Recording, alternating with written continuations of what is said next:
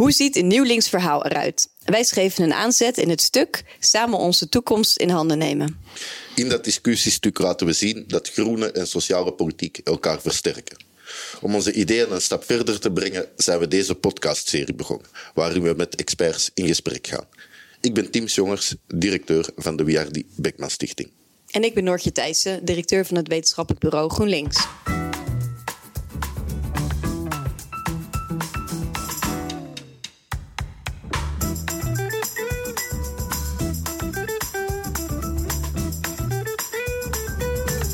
En in deze eerste aflevering van de podcastserie gaan we in gesprek over onze observatie in het discussiestuk dat er sinds de jaren tachtig een omslag kwam in het afnemend collectief welzijn.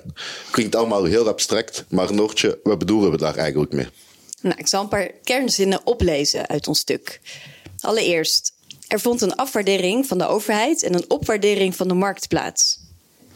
Ten tweede, van ambtenaren en bestuurders werd verwacht dat ze zich gingen gedragen als managers. En wat er ook in staat is bijvoorbeeld: onze verzorgingsstaat is niet langer een recht, maar een gunst. De angst dat mensen te veel krijgen is groter dan dat mensen te weinig krijgen.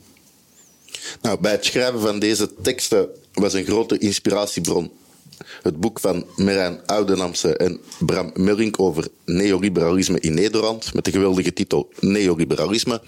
en Merijn is natuurlijk ook uh, bekend van zijn uh, scherpe columns in de Groene Amsterdammer.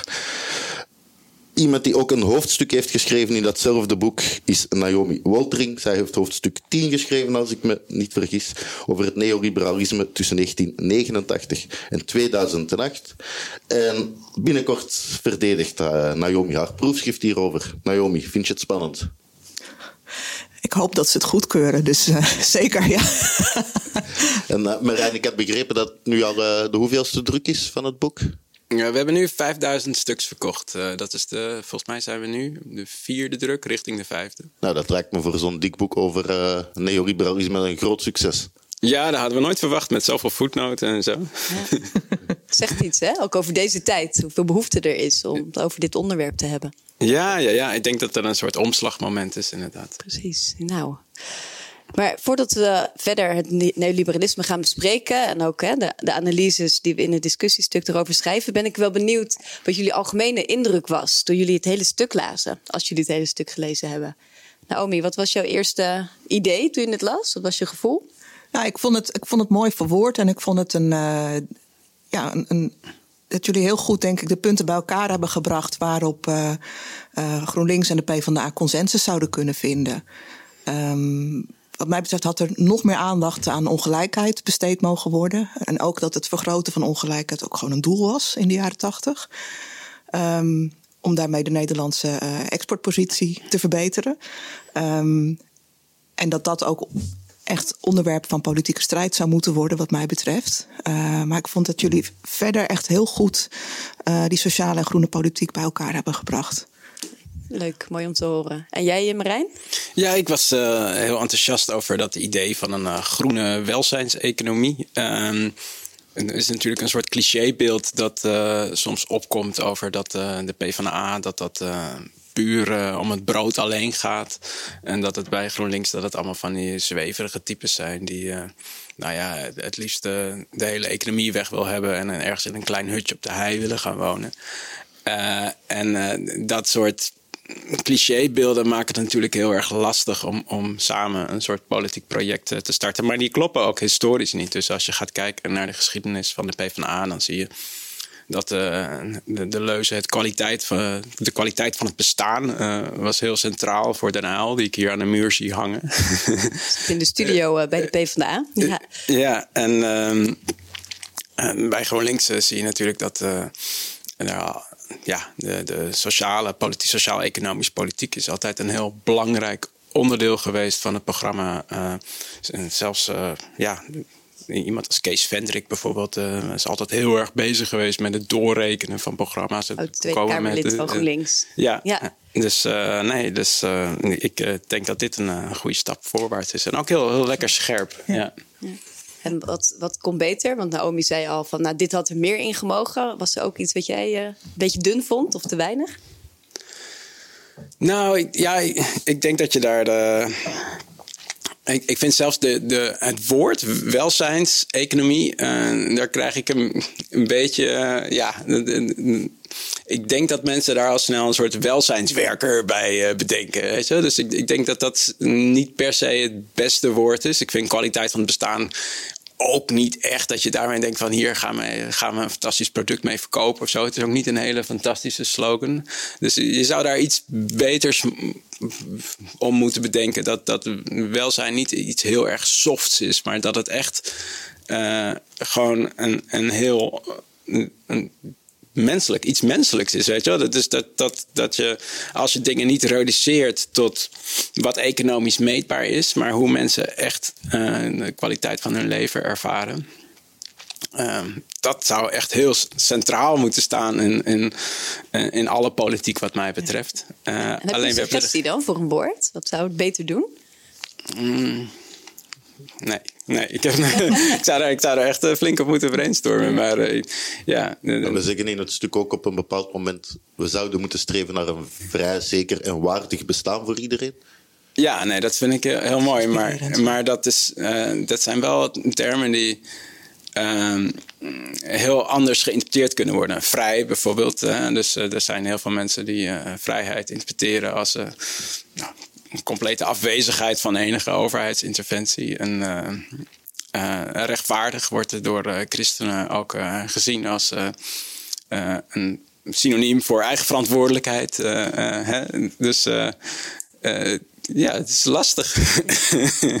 maar ik begrijp dat dat het er dan op aankomt om dat gewoon goed uit te leggen. Ja, ja, ja. Wij daar dan mee. Ja, ja, ja, precies. Je kan ook termen uh, zelf uh, pakken natuurlijk. Ze hebben geen vaststaande betekenis. En het laden, zoals ze dat dan ja. noemen. En termen, die we, uh, termen die we vooral niet willen pakken, denk ik, zijn termen als neoliberalisme.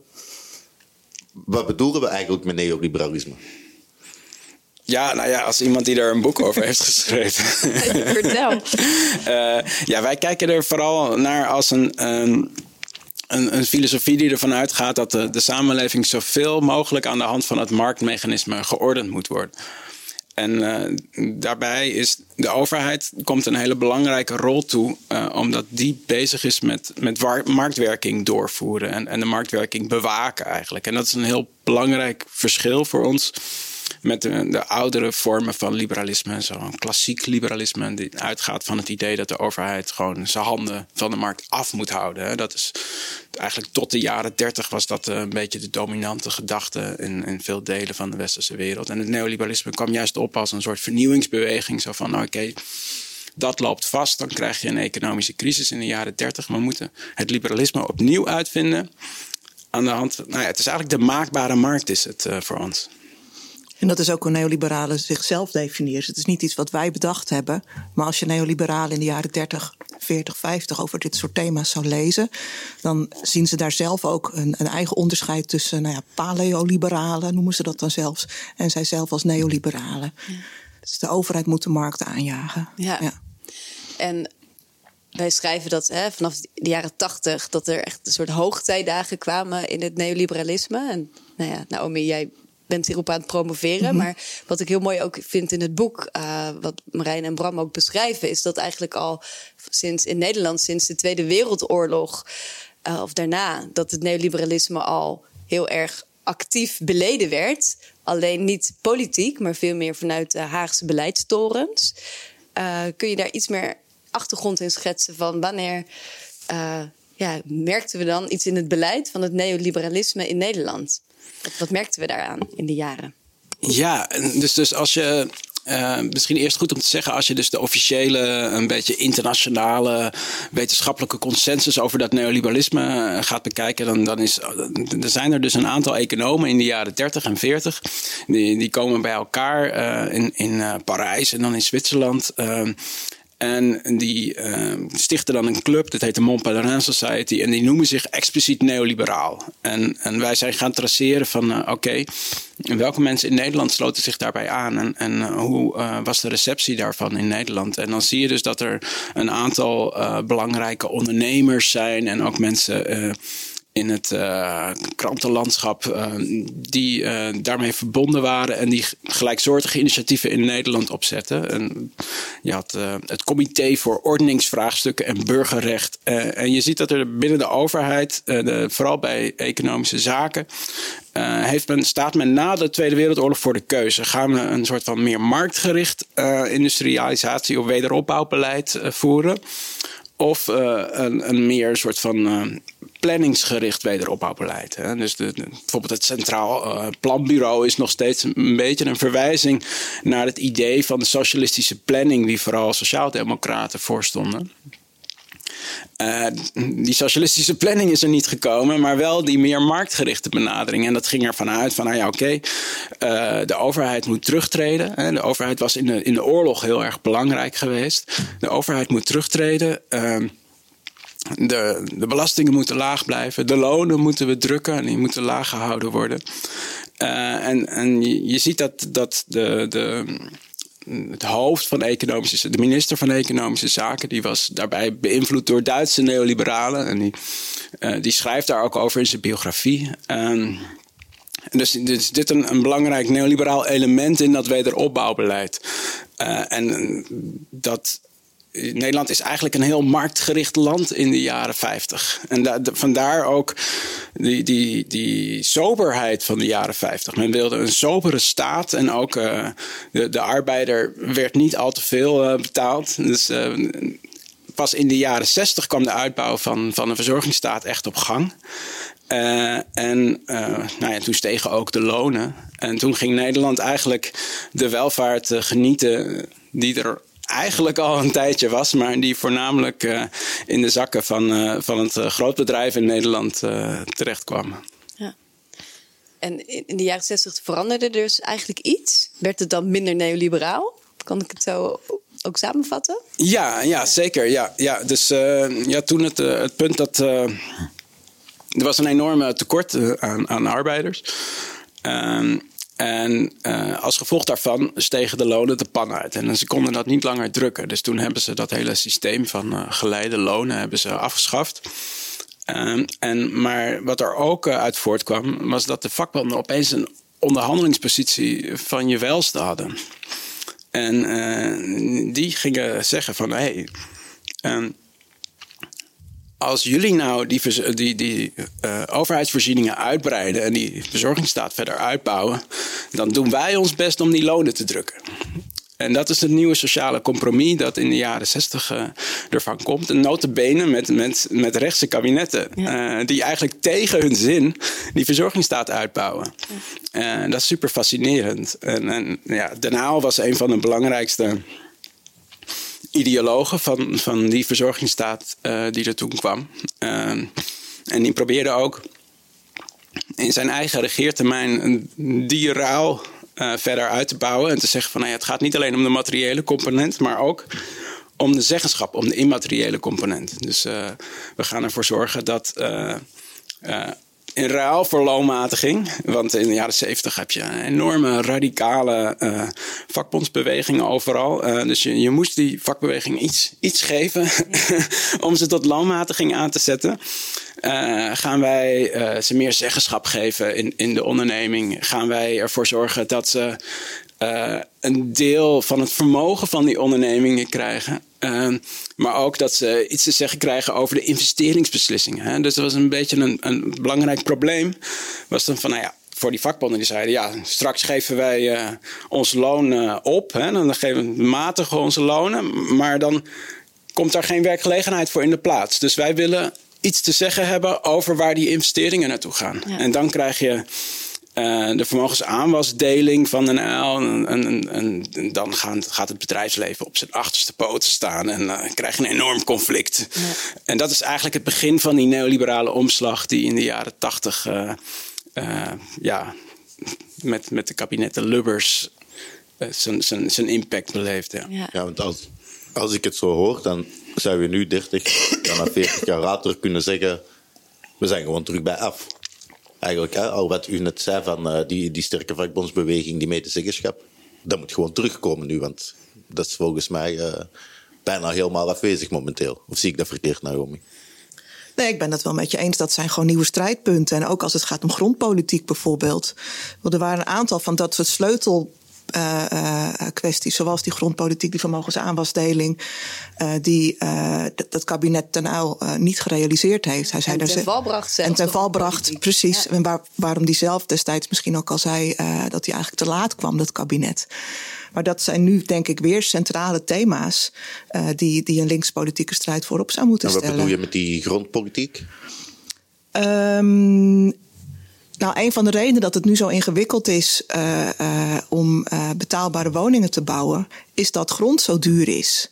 En dat zoveel grond in, in private handen is, dat grond een beleggingsobject is. Dus daar, daar zou je over na moeten denken. en gelukkig wordt dat ook gedaan. Um, hoe je die grondprijzen omlaag kan brengen. En hoe grond bijvoorbeeld meer gemeenschapsbezit kan worden. Dat is ook heel actueel in de discussie over de landbouw. Ja, absoluut. ja. ja. ja ja. de onteigening van boeren op dit moment. Ja. ja. Er zijn er meer van dit soort discussies die nu eigenlijk weer hyperactueel zijn. Nou ja, um, als je het hebt over de uitvaart van de verzorgingsstaat, waar we het net over uh, hadden in de jaren zestig. En daarvoor hadden we het nog over die, de groene welzijnseconomie. Ik bedoel, we hebben, er, is, er is zoveel uh, uh, verbouwd en kapot gemaakt aan wat de verzorgingsstaat te bieden had. Um, dat we nu ook gewoon weer moeten zorgen dat de basis op orde komt in de verzorgingsstaat. En misschien is, is dat ook gewoon een woord wat we, of een, een, een frase die we kunnen gebruiken. Dat we moeten zorgen dat de basis weer op orde komt. Zodat we vervolgens of tegelijkertijd ook kunnen nadenken over meer welzijn. Maar daar, daar is ook gewoon, zitten materiële componenten aan die we niet uit het oog moeten verliezen. Ja. Nee, dat doen jullie niet, maar. Ja. Ik kan me inbeelden, critici zullen zeggen: ja, maar we zijn een van de rijkste landen ter wereld. Uh, we staan op heel veel lijstjes bovenaan. Mm -hmm. Dus wat is het probleem? Nou ja, ik, ik, was vorige week was ik in, uh, in Heerlen bij de PvdA-afdeling. Daar heb ik verteld over woonbeleid en de geschiedenis daarvan. Daar zaten we in een, uh, uh, in een flat met voornamelijk sociale huur. Um, er, er leven in Heerlen, als, ik het, als ik het goed heb, 120.000 mensen onder de armoedegrens. Ik bedoel, ja, dan zijn we een van de rijkste landen ter wereld. Maar als je bij die 120.000 mensen zit, heb je toch een probleem. Ja. Maar is het dan ongelijke verdeling? Ja. Is dat wat uh, neoliberalisme dan uh, met zich heeft meegebracht? Ja, absoluut. Ja. En bedoel, de, um, het was ook een doel om de, de arbeidsinkomensquote om die te verlagen, zodat producten goedkoper worden, doordat er minder van het verdiende geld uh, naar werknemers gaat. Dat was ook gewoon een expliciet doel eind jaren 70, begin jaren 80 van, van de rechtse politieke partijen. En dat is ze gelukt. Ja. En dan, Marijn, dan kom ik even terug bij jou. Want jij zei daar net, oké, je hebt de materiële component, die immateriële component. Eigenlijk zou je kunnen zeggen, ja, we zijn uh, een van de rijkste landen ter wereld, materieel prima. Maar immaterieel, het gaat slecht met de uh, psychische gezondheid van de jongeren. Uh, heel veel mensen kunnen niet meer meedoen in deze samenleving. We zitten nu zelfs op een punt dat heel veel niet meer willen meedoen. Het Sociaal en Cultureel Planbureau spreekt terug van een klassensamenleving. Hoe verbind jij die twee aan elkaar? Ja, ik denk dat, uh, dat er. Dus we, leven in een hele rijke samenleving, maar ook in een, uh, een samenleving die heel erg gehecht is aan efficiëntie. en die niet heel erg bezig is met een, een economie die voor alle inwoners uh, functioneert. Hè? Dus, dus uh, wat je ziet is dat in de jaren tachtig die BV Nederland gedachte opkomt. Hè? Dus de BV Nederland gedachte gaat uit mm, eigenlijk dat ons hele land een bedrijf is en, dat het concurrentievermogen van Nederland het belangrijkste is wat er is. en dan krijg je gewoon dat, dat een heleboel activiteiten als niet efficiënt worden gezien. Denk aan sociale werkplaatsen, uh, maar denk ook aan bepaalde sectoren van, van de economie uh, waar veel mensen uh, werkzaam zijn. dus je had toen de, de mijnen sluiten in de jaren, als we even het voorbeeld van Heerlen nemen, in de jaren 60 en 70. Um, toen was daar het idee van, hey, oké, we moeten vanuit de overheid een enorme een, beleid gaan creëren waarin we weer nieuwe werkgelegenheid maken. En, nou ja, een deel daarvan was de chemische industrie die is opgezet, die nu een probleem is met de klimaattransitie. Maar je ziet dus dat er een, een enorme uh, planning is vanuit de overheid om te zorgen dat er een, een, een, de economie op zo functioneert dat iedereen daarin kan meekomen. Ehm, en ik denk dat dat, dat, gedeelte, dat gedeelte is, is verdwenen. Hè? Dus omdat je, als je zeg maar de, de, BV Nederland gedachte, als dat eerst komt, je concurrentievermogen. Uh, en niet het idee van, nou ja, we hebben een economie die er eigenlijk op gericht moet zijn om zoveel mogelijk uh, mensen mee te nemen en, en, van een waardig bestaan te voorzien. Uh, dan maakt het niet uit dat je in de periferie weinig economische activiteit hebt. dan maakt het niet uit dat er veel mensen buiten de boot vallen. Het gaat erom dat die, die kern van de economie, dat die concurrerend en competitief is. Dus ik denk dat dat een, een, een hele belangrijke omslag is geweest uh, in het overheidsbeleid. Waardoor veel mensen buiten de boot vallen. Maar ook waardoor er gewoon heel weinig uh, waardering is voor die uh, niet renderende activiteiten. Ja. Hè? Zoals bijvoorbeeld de sociale werkplaats. Wat zegt dit over het mensbeeld dan van het neoliberalisme? Want jullie hebben net een mooie definitie gegeven. Dat richt zich heel erg op hoe je hè, economie en, en, samenleving organiseert. Uh, maar welk mensbeeld schuilt hieronder? Ja, er zit ook een mensbeeld onder waarbij de, uh, de mens met prikkels de juiste kant op geduwd kan worden. Waarbij de mens ja, reageert op, op, uh, op financiële prikkels, op economische prikkels. Uh, en dat is ook wat we vervolgens in de jaren negentig heel sterk terugzien in het beleid. Dat je mensen met, uh, met straf en met beloning in de vorm van, van subsidie of, of korting uh, een bepaalde gewenste richting uit kan duwen. Een soort maakbaarheidsdenken. Dus ook een soort, ja, ook een soort maakbaarheidsdenken uh, gericht op individuen. En dat is ook vervolgens waar een deel van het sociale zekerheidsbeleid op ingericht wordt. Ja, ja, ja, absoluut. Een, een heel centraal in, in dat neoliberale denken staat het idee van, van de mensen als ondernemer.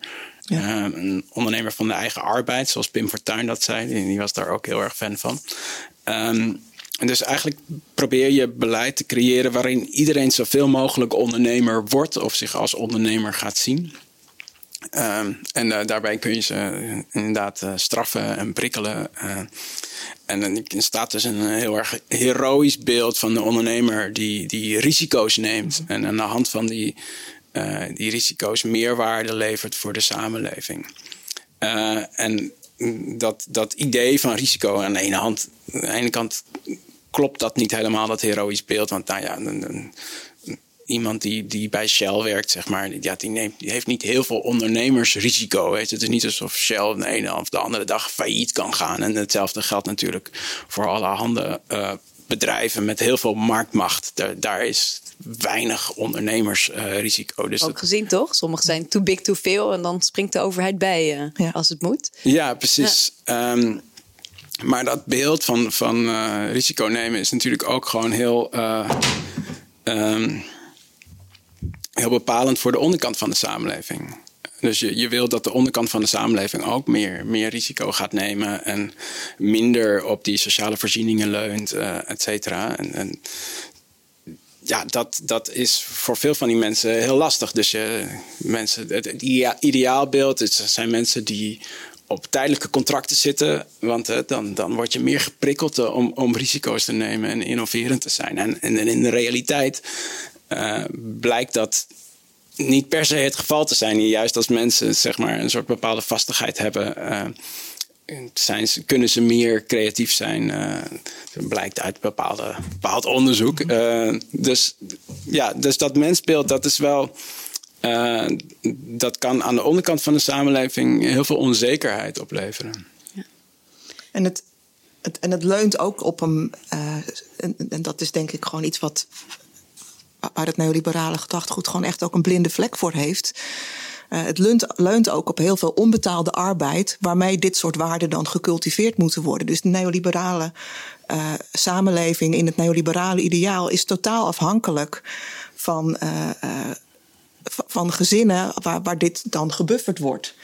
Um, um, Wat bedoel je daar precies mee?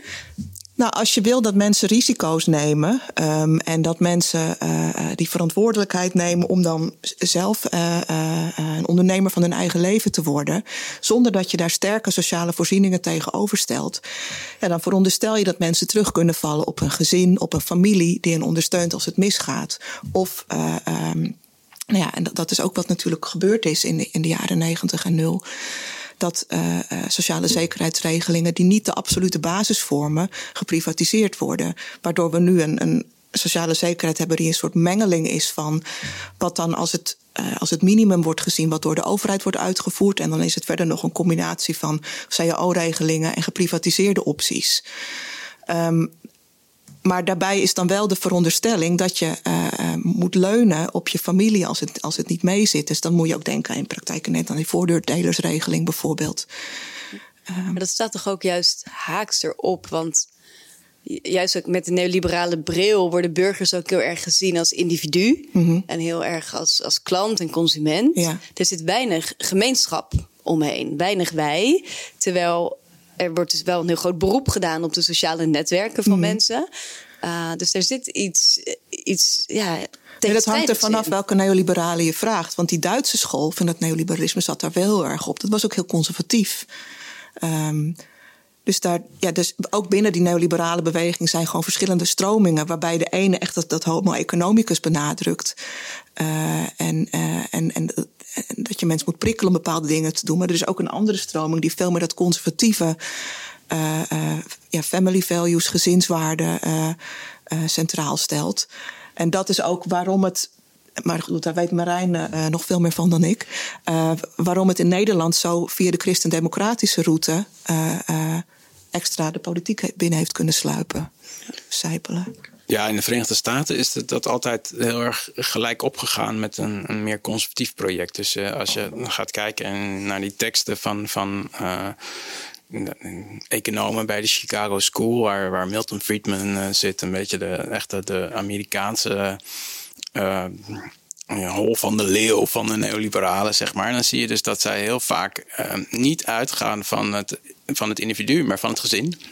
Um, en omdat, zeg maar, als, die, als je die vrouw, uh, als die ook een, een, een economisch individu is die, die, die, die, zo, die denkt, dan, dan, ja, dan moet je allerlei overheidsvoorzieningen gaan opzetten voor de kinderopvang en uh, voor, voor, voor de zorg en zo. Dus de, zij, zij, er was een heel. natuurlijk moet je ook denken dat, dat die christelijke politiek in, in de Verenigde Staten heel erg dominant was. Dus er was een, een een soort samensmelten van die twee visies. En, in, de, in, de, VS heeft het men ook wel over fiscal conservatism, die term neoliberalisme is daar niet heel erg gangbaar, omdat liberalisme als links wordt gezien. Hè? Dat is de benaming voor de, de New Deal uh, en de, de, democratische politiek in de Verenigde Staten. Uh, dus dat conservatisme, dat, dat is. Uh, is niet alleen economisch, maar er zit ook een belangrijke culturele component aan. En in Nederland is dat ook zo. Je ziet dus dat de, de CDA in de jaren tachtig rapporten uitbrengt over dat het uh, problematisch is dat al die vrouwen gaan werken, uh, terwijl ze eigenlijk uh, ja, in zorg moeten verschaffen in hun omgeving. En dat daar ook het, het christelijke element in zit. Dus het gaat uit van een type idee van aan de ene kant heb je die, die cutthroat uh, economische sector waar de, die concurrerend is. En waar de mannen dan. Sprake is van strijd. En ja. daar zijn, dat is het domein van de mannen ja. eigenlijk. En aan de andere kant heb je de zachte sector. en, en die zachte sector is ook heel belangrijk, want daar zitten de religieuze waarden in verweven eigenlijk. Uh, dus die moet je ook bewaren. Dat, dat is heel erg het CDA-beeld. Uh, en in Nederland uh, is het al meer op die manier naar voren gekomen. De VVD is pas eigenlijk in, in de jaren negentig voor het eerst echt een, een wat grotere partij die echt kan meeboksen met die andere grote krachten zoals de sociaaldemocratie en de christendemocraten. Maar er, er zit toch iets tegenstrijdigs in, hè? want enerzijds zijn gemeenschappen van belang, omdat mensen elkaar dan kunnen ondersteunen, omdat ze klappen kunnen opvangen. Wij hebben hier de participatiesamenleving gehad als mhm. term, hè, om dat uh, te duiden. Anderzijds zie je toch dat neoliberalisme vooral voor concurrentie onder burgers zorgt en net de gemeenschap geen goed doet. En daarbovenop komt nog eens uh, ja, onze planeet. Die grenzen zijn ondertussen ook wel overschreden, denk ik. Hoe kan het dan anders? Ja, nou ja, ja, toen had je dus ook een term, de, zorgzame samenleving. Dat was, uh, uh, Lubbers kwam daar mee en ook uh, Brinkman. Um, en dat ging dus heel erg uit van, je hebt de terugtredende overheid. Ehm, en dan moet het maatschappelijk middenveld moet die zorgtaken van de overheid overnemen. En dat maatschappelijk middenveld was dan bevolkt door vrouwen hoofdzakelijk. Um, en hoe kan dat anders? Ik denk dat je en dus. besturen, waar die mannen natuurlijk allemaal in zaten. Kerkbesturen, schoolbesturen. Ja, ja, nee, dat is waar. Ja, het werd wel weer bestuurd door mannen. Ja. Um, maar, uh, maar goed, um, hoe kan het anders? Ik denk dat je, dat je dus wel als overheid bepaalde.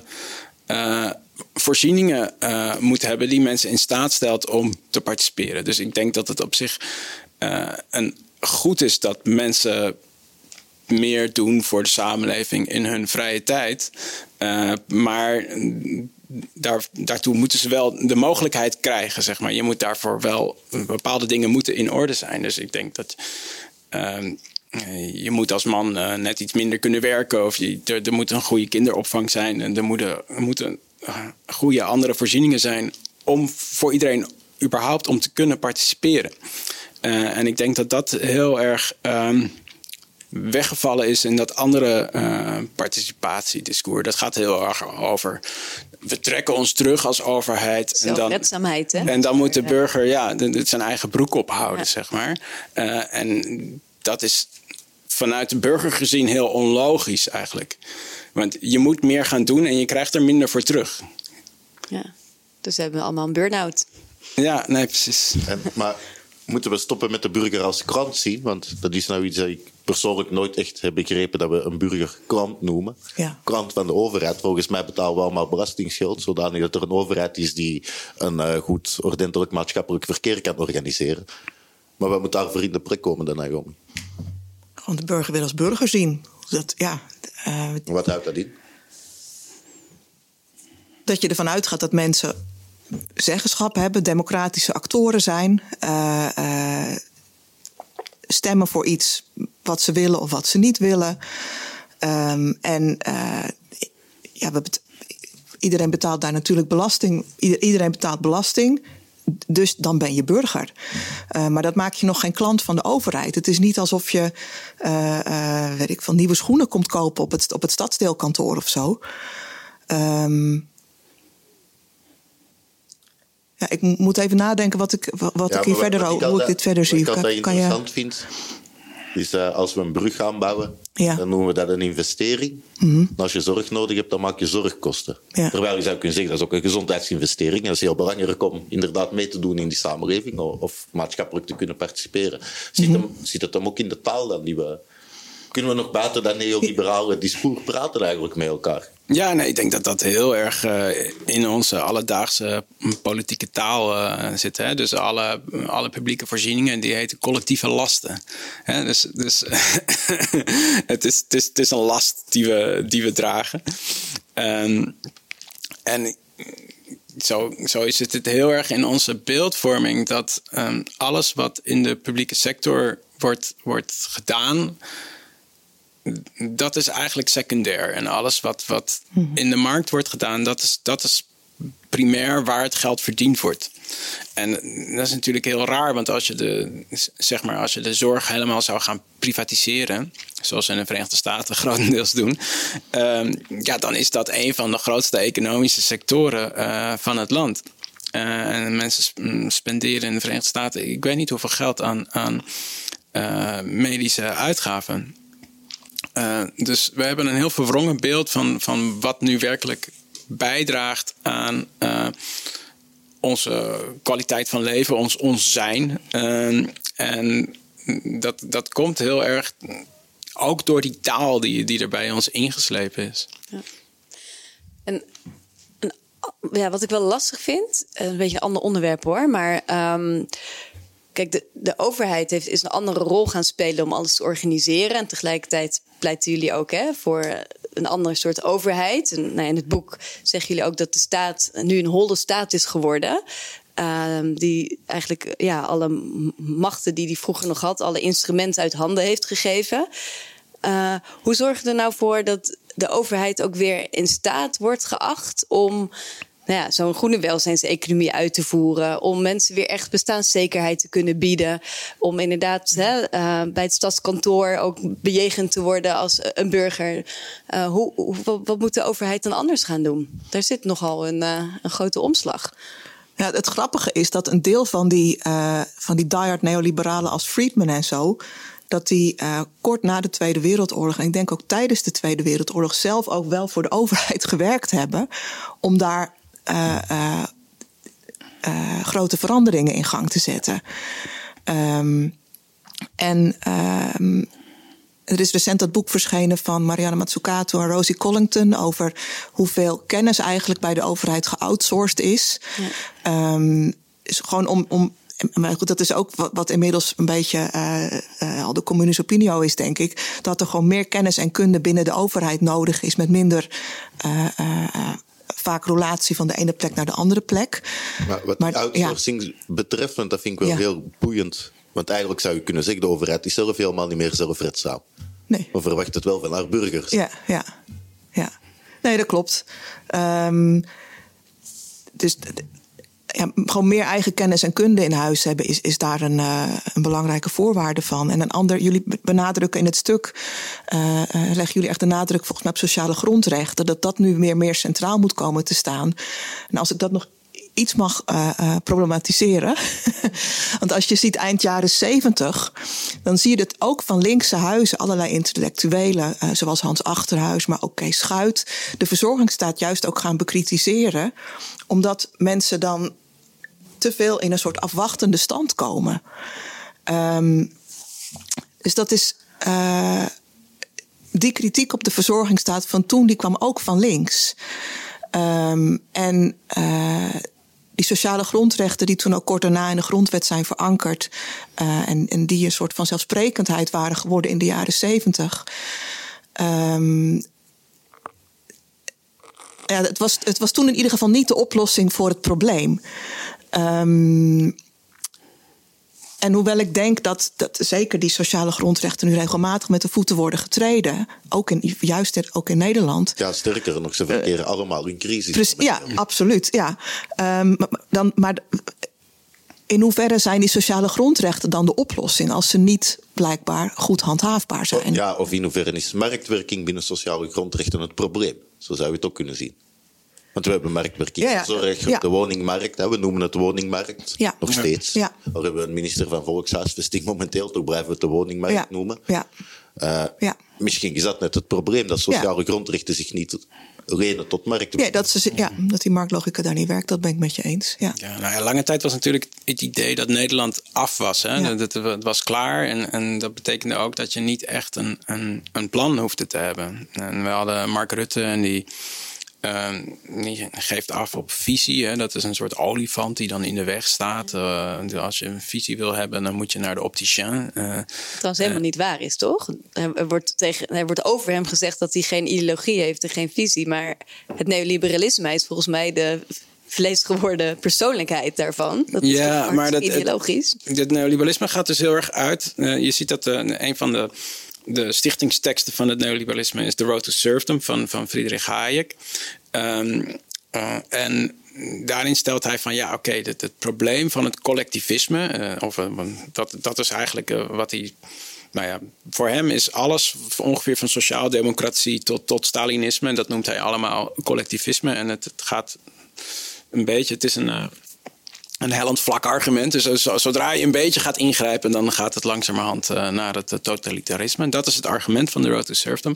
En hij stelt eigenlijk van ja, wat, wat, wat de, de kenmerkende eigenschap is van, van al die systemen. Um, is dat ze proberen de samenleving in te richten aan de hand van een publiek bepaald doel. En dat moet je niet doen. Je moet individuen zelf hun doelen laten bepalen. en, en dat is ook wat Mark Rutte zegt. Mark Rutte zegt dus niet van je, je, de overheid moet geen visie hebben, maar individuen moeten visie hebben. En dan aan de hand van die visie kopen ze dingen. en, en, en, aan de hand daarvan richt je dan de samenleving in.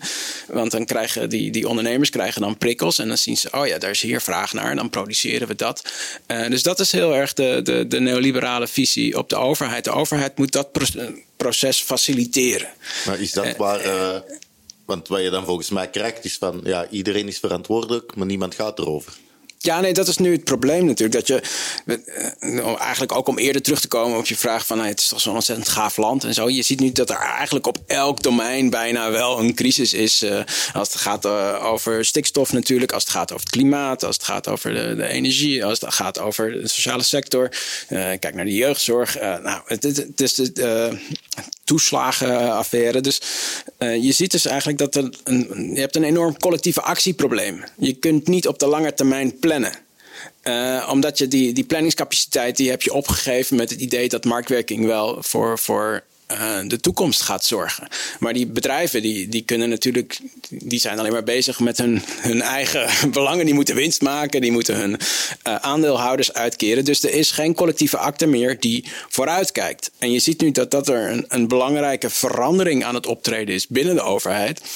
Uh, Jette, vorige week nog, die zei van uh, we, we, moeten een, uh, een plan maken voor tot het jaar 2050. Stikstofplannen lopen tot, tot volgens mij tot de komende 20 jaar. Hè? Dus je ziet dus dat er weer vooruit gepland moet worden op allerlei verschillende terreinen. Als je kijkt naar ruimtegebruik, als je kijkt naar het water, als je kijkt naar de woningbouw.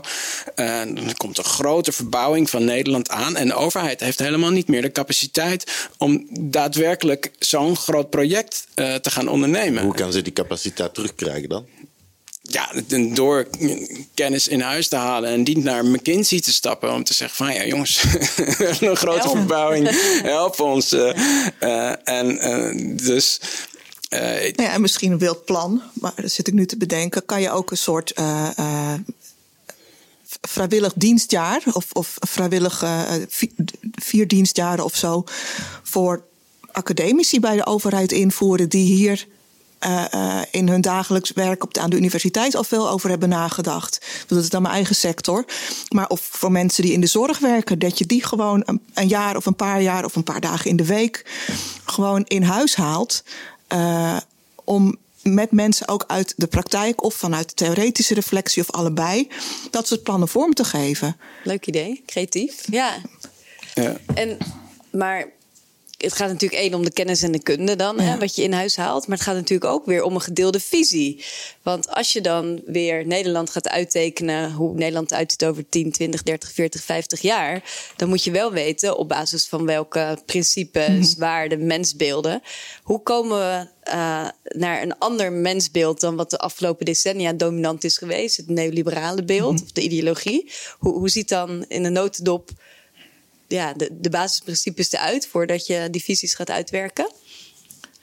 Ik denk dat als je dat, dat verreweg de meeste mensen in Nederland, ook mensen die niet op, uh, uh, op GroenLinks of PvdA stemmen, um, dat die niet zo'n neoliberaal mensbeeld hanteren in de praktijk. Want het is een construct, het is een totaal construct. Mm-hmm.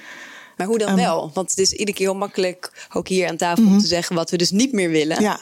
Maar hoe ziet zo'n nieuwe ideologie er wel uit? Nou, ik denk dat jullie daar goede aanzetten voor hebben gegeven in jullie stuk. Um, en ik denk dat verreweg de meeste mensen gewoon een, uh, een functionerende verzorgingsstaat willen hebben in Nederland. Waarbij mensen een fatsoenlijke woning hebben. Uh, waarbij je kinderen niet in een, een moordende concurrentie zitten uh, uh, om de juiste punten te halen voor de toetsen, om vervolgens op een goede school te komen. Dat iedereen gewoon fatsoenlijk onderwijs krijgt. Um, dus die hele metafoor van die concurrentie, ik denk dat we daar vanaf moeten. En meer toe moeten gaan naar dat we gewoon een fatsoenlijke basis voor iedereen willen hebben. Uh, Mooi. Dat is nog geen mensbeeld, maar. Ja, als je kijkt naar, naar een beetje de geschiedenis en, en uh, de sociaaldemocratie, uh, wat dat betreft, dan zie je altijd dat het, het idee van ontplooiing heel erg centraal heeft gestaan uh, in het mensbeeld van, van links. En ik denk ook wel van, van GroenLinks, maar dat is dan wat later wat erbij komt. Ehm, dus daarin is de economie dus heel erg middel en niet einddoel. En het, het, einddoel is eigenlijk dat je, nou ja, je, je draait economisch mee, uh, je kan meekomen, maar op basis daarvan kun je andere uh, activiteiten ontplooien. Je kan participeren in de politiek. uh, actief burgerschap. Um, je, je kan allerlei vrijwillige activiteiten doen. Je kan je, je, creatieve, je creatieve ontplooien. Dat was zeg maar in, in de jaren 60, 70 heel, stond heel erg centraal in de emancipatie van de arbeider. Hè? Dus het, het, was duidelijk van het economisch bestaan. Um, was eigenlijk de eerste stap op de ladder. En dan zeg maar, het is een beetje piramide van Maslow misschien. Ja, uh, dus je, je, je, moet die, je moet sowieso die eerste sport op die ladder hebben. Maar eigenlijk het streefbeeld is dat mensen ook die, die hogere sferen uh, kunnen bereiken en, en daarin kunnen meeboksen uh, als het gaat om vrijwilligerswerk in een buurt of, of, of uh, politiek actief zijn. en dat is helemaal niet meer een ideaal. Dus dat, dat, dat is denk ik wel een, een belangrijk verschil met het heden. Als ik jullie zo beide hoor, komt het er eigenlijk op neer van oké, okay, het correctief moet geherwaardeerd worden. Dat is eigenlijk de rode draad, denk ik. Nou, tot slot als je één opdracht zou mogen meegeven aan de linkse beweging, heel kort, wat zou die opdracht zijn? Wat moeten wij zeker, ik en Noortje, tussen onze oren knopen? Naomi. Um, denk een goede financieel-economische paragraaf uit voor als het kabinet valt. En, uh, dat is reëel. Want en dat is dit reëel. opnemen, uh, zitten we continu op onze telefoontjes te kijken of ze eruit komen ja. of niet uh, ja. met de asiel- en migratiedeal. Ja. ja, en zorg dat dat dan ook het uitgangspunt is bij. ja, als er gesprekken komen over linkse kabinetsdeelname. Ja. En kun je een heel klein tipje van de sluier oplichten, wat dan dat, dat nieuwe begrotingssystematiek, hoe dat eruit zou moeten zien? waarbij iedereen het kan begrijpen, ook ja. niet economisch. Ik denk dat je moet voorkomen dat je nu weer in zo'n bezuinigingslogica komt.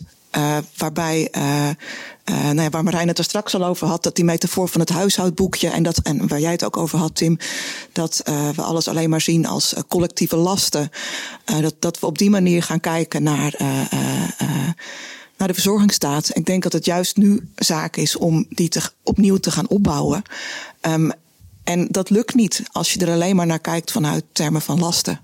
Ja, ja ik denk dat, uh, dat je aan lange termijn visieontwikkeling moet doen. Dus dat je dus een. Uh, hè, dat, dat ik vind dat, heel, dat idee van een schaduwkabinet vind ik altijd heel erg leuk.